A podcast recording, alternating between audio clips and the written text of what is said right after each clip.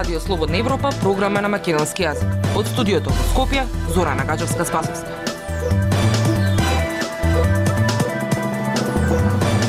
Почитувани, ја слушате неделната емисија на Радио Слободна Европа. Гостин во неделното интервју е министерот за правда Кренар Лога. Со него разговаравме за случувањата во судскиот совет за којто тој изрази загриженост. Во рок од 5 месеци избран е трет председател на советот за кој дел од експертите членовите на советот тврдат дека токму изборот за затворени врати за јавноста отвара сумнежи за незаконски избори. Дополнително разговаравме и за формирањето на работните групи за измените на изборниот законник и за уставните измени кои кои се без подршка на опозицијската ВМРО ДПМН. Слушајте не. Министре, како ги коментирате во целост случувањата во судскиот совет, телото кој што е надлежно за избор и разрешување на судии? Со многу загриженост ги следиме сите овие настани таму веќе го имаме кажано нашиот став дека ова нема да допринесе во згилувањето на довербата во правосудниот систем. Така да очекувам и повикувам на разум и што побргу сите овие настани да се минато во наше општество и нормалната работа да биде дел од работата на поиднина на на овој орган што е од многу значајно за за правосудниот систем. Записниците од седницата на судскиот совет на која што и беше разрешена председателката Весна Дамева рековте дека не ги добивте. Што ви говори тоа за нивниот однос кон вас? јас по функција сум член на, на, на судски совет и редовно ги добивам сите овие записници заедно со дневниот ред кога и да е седницата јас имам побарано од имна страна, не ги имам добиено заради тоа што не се усвоени на седница. Но председателот на Советот на обвинители Антонио Јулевски изјави дека вие немате право да барате записници од седница на судски совет. За жал, не знам од која перспектива тоа он го има кажувано тој став.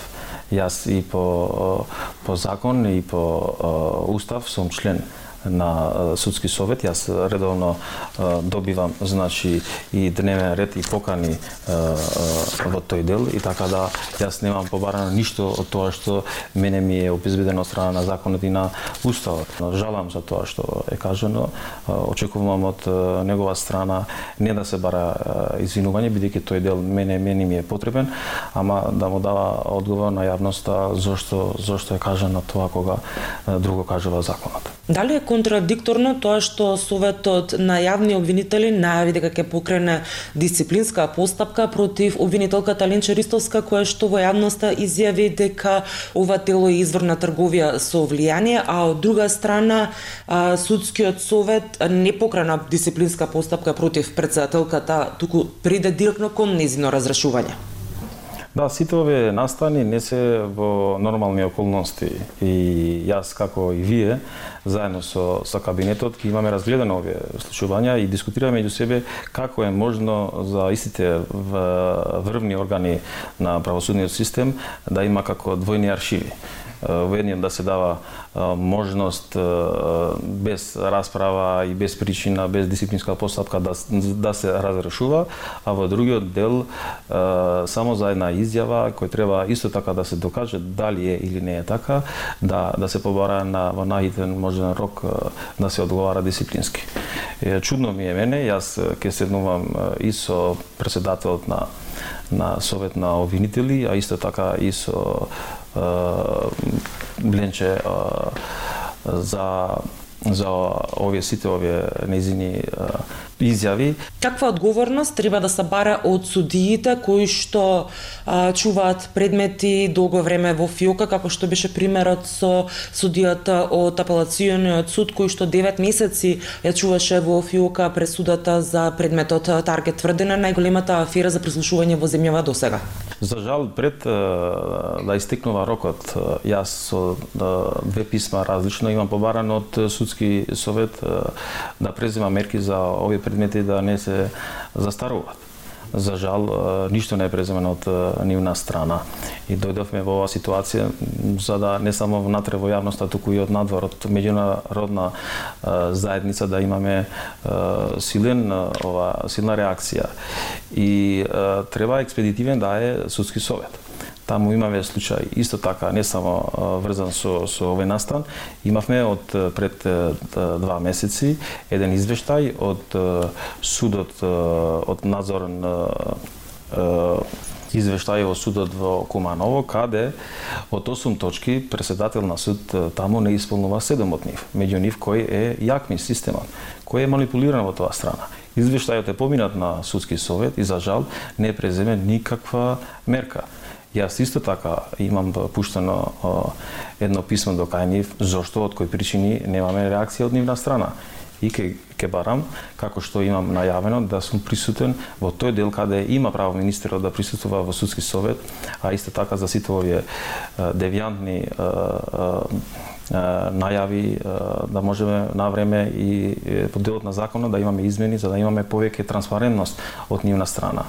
И во овој дел веќе Министерството години назад има преземено мерки и е подобруван во некакви нивоа транспарентноста постанува уште многу работа заедно со нив за да сите овие девијантни појави да добиват крај на засекогаш. Кој е вашиот став? Каква одговорност треба се баре? Дали станува збор за кривична, дисциплинска постапка или нешто друго? Тоа законот ја предвидува продобро. Значи мора да има дисциплинска постапка. Па после ако во пак во законска и процедурална постапка треба да се докаже дали тоа е злонамерна или пропуст или од незнаење. Како и да е, овој дел останува во рамките на надлежности на органите кои се самостојни и кои треба да се почитуваат до крај во овој случај на судски совет. Вие неодамна изјавивте дека а, во промената на уставот ќе барате да се трне и делот во кој што министерот е задолжителен член на судскиот а, совет. Според препораките на Греко, а, вие не треба да присуствувате на а, седниците на судскиот совет како што постапува и вашите предходници. А, како вие ќе постапите? Тоа што што го има побарано Греко од 2014 не е исполнато. Значи останува а, по функција министерот да е дел од судски совет без право на глас. Тоа што веќе Греко има таму е, и, и двете ставови. Значи има многу земји во, во Европа кои имат е, е, ова можност како кај нас и не е никаков проблем. Тоа е бидено во тоа време заради тие околности во 14-та и пред тоа година кога министер е мешан во многу други прашања. Значи јас сметам и ден денеска додека а, тој дел ја има во уставот и во законот да се почитува до крај. Бидејќи која е пораката на една институција кога министер за правда не почитува уставот и е, законот. Значи или треба тоа да оди во пакет сега со уставните измени или јас ке треба да го почитувам уставот и законот. И така имам најавено е, сегде дека јас ке бидам присутен во делот каде мене ми се дозволува да сум присутен на тие точки од дневен ред. И еврокомесарот и американската амбасадорка во Скопје излегува со сериозни критики за слушувањата и во судскиот совет, но и за пресудите, односно за укинувањето на пресудите од апелација. А што презедовте вие по тие критики? Па ние сме на иста линија. Значи јас сум секојдневна комуникација со сите амбасадори во земјата, исто така и со председател на државата, па и во други и со други институции. Веќе некои мерки ние ги предвидуваме со новата стратегија 2023-2027. И ќе имаме измени во некој дел на некои закони и јас верувам дека освен тоа што треба да го имаме ние на хартија, мора да ја, да имаме и храброст да се справиме со сите овие предизвици и овој дел улогата на министерот е ограничена бидејќи ние не смееме да да учествуваме во тие настани таму или да било што да да се мешаме во нивната работа и до крај ќе почитуваме нивната самостојност.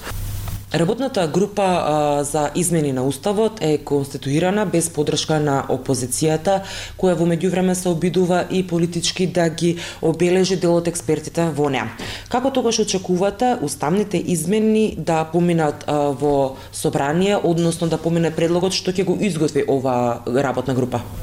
Мене ми е жал што ВМРО не е дел од ова работна група, ги повикувам уште еднаш да биде дел од успехот за патот кон Европска иднина на Македонија и верувам дека овие се храбри луѓе што прифатија да се дел од оваа работна група, се извонредни луѓе бидејќи во вистинскиот момент они најдоа време иако знае дека ќе бидат одцрнети од дел од јавноста да го дават својот придонес за да ние ден напред да сме дел од фамилијата на Европска Унија.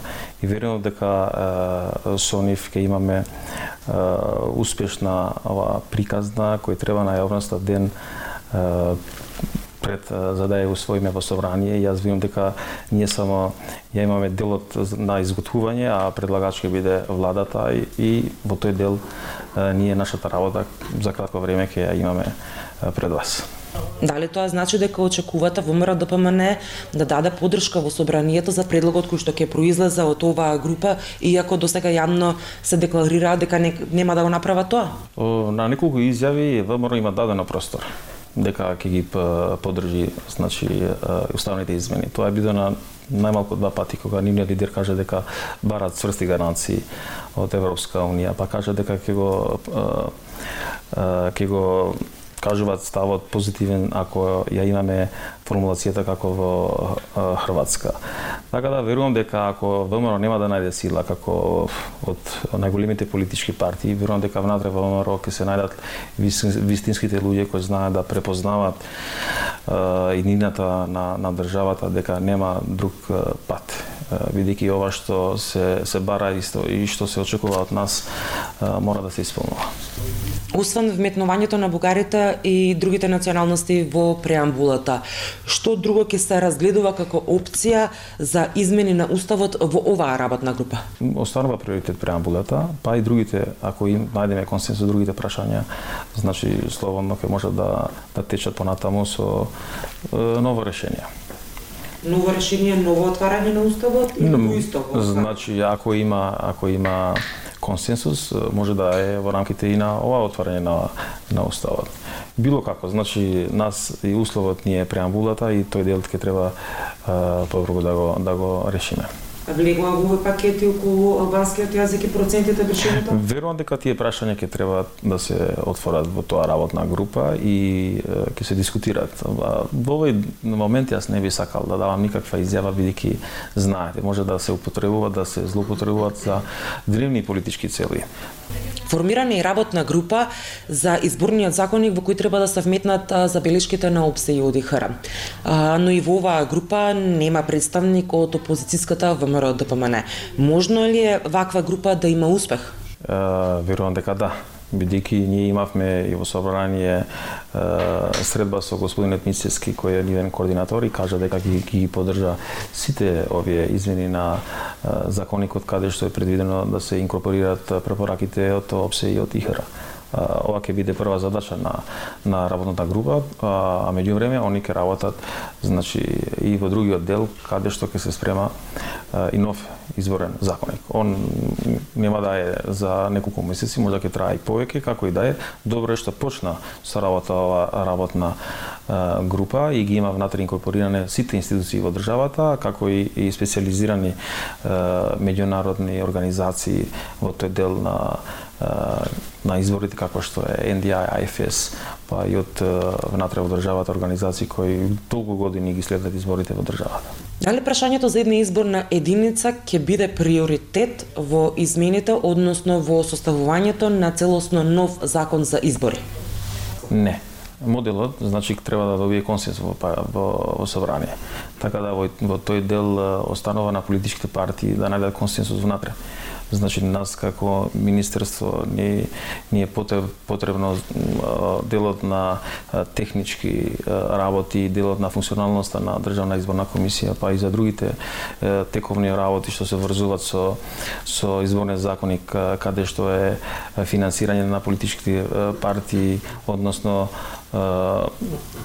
програмата и други врзани проблеми што ден на, на избори па кој ќе биде. Значи моделот за нас не не не ни значи ништо во во овој случај бидејќи за тоа ќе треба да се дискутираат и тие работи, а мора да се најде политички консенсус. Тоа е битно прашање и јас не можам да кажувам ништо во овој дел. Тоа беше се што ви подготвивме за оваа емисија. Со вас од студиото во Скопје беа Зора Нагажевска Спасовска и Дејан Балаовски. До слушање.